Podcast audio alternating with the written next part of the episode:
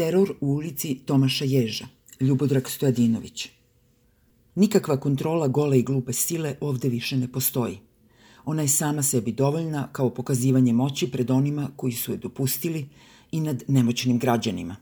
Usred smo razumevanja filozofije policijskog časa, koja i nije tako prostačka kako bi se moglo rasuđivati na osnovu pameti iz koje je nastala. Taj čas je proizveden kao ideja o mučenju.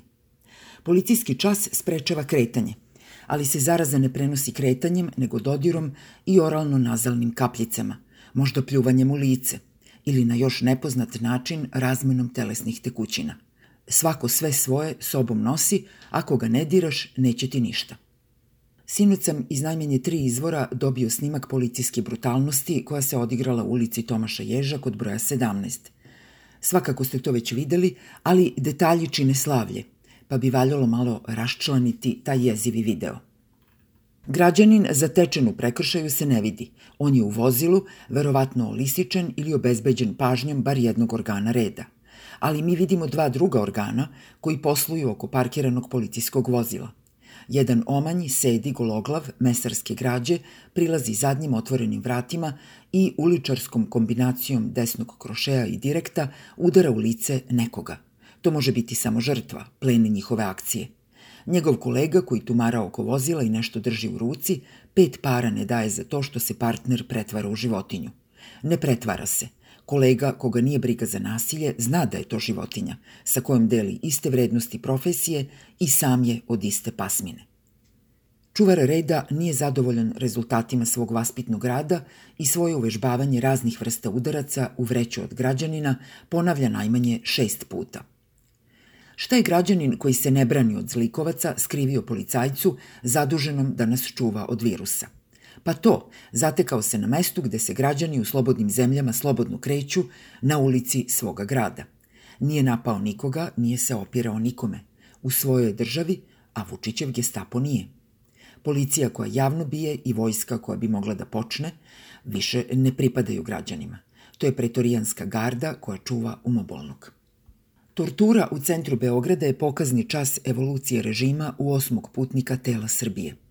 Ništa tu nije slučajno.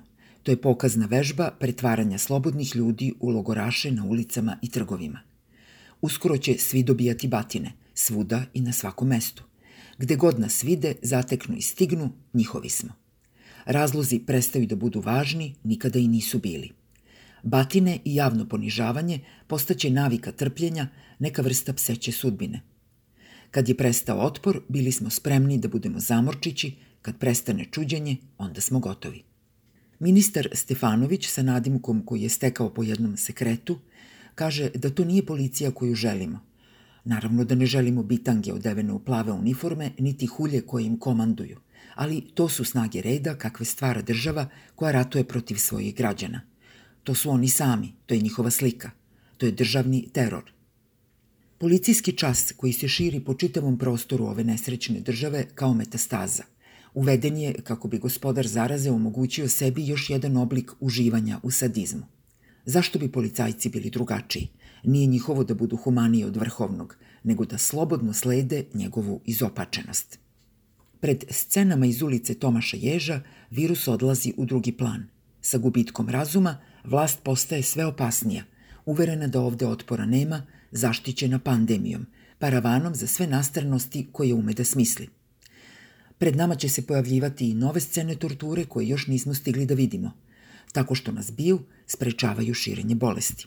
Niko ne sme da vas bije, rekao je Sloba u Kosovu polju, ako se još sećate. Danas sme da nas bije ko stigne, a mi još nismo sigurni smemo li da se branimo.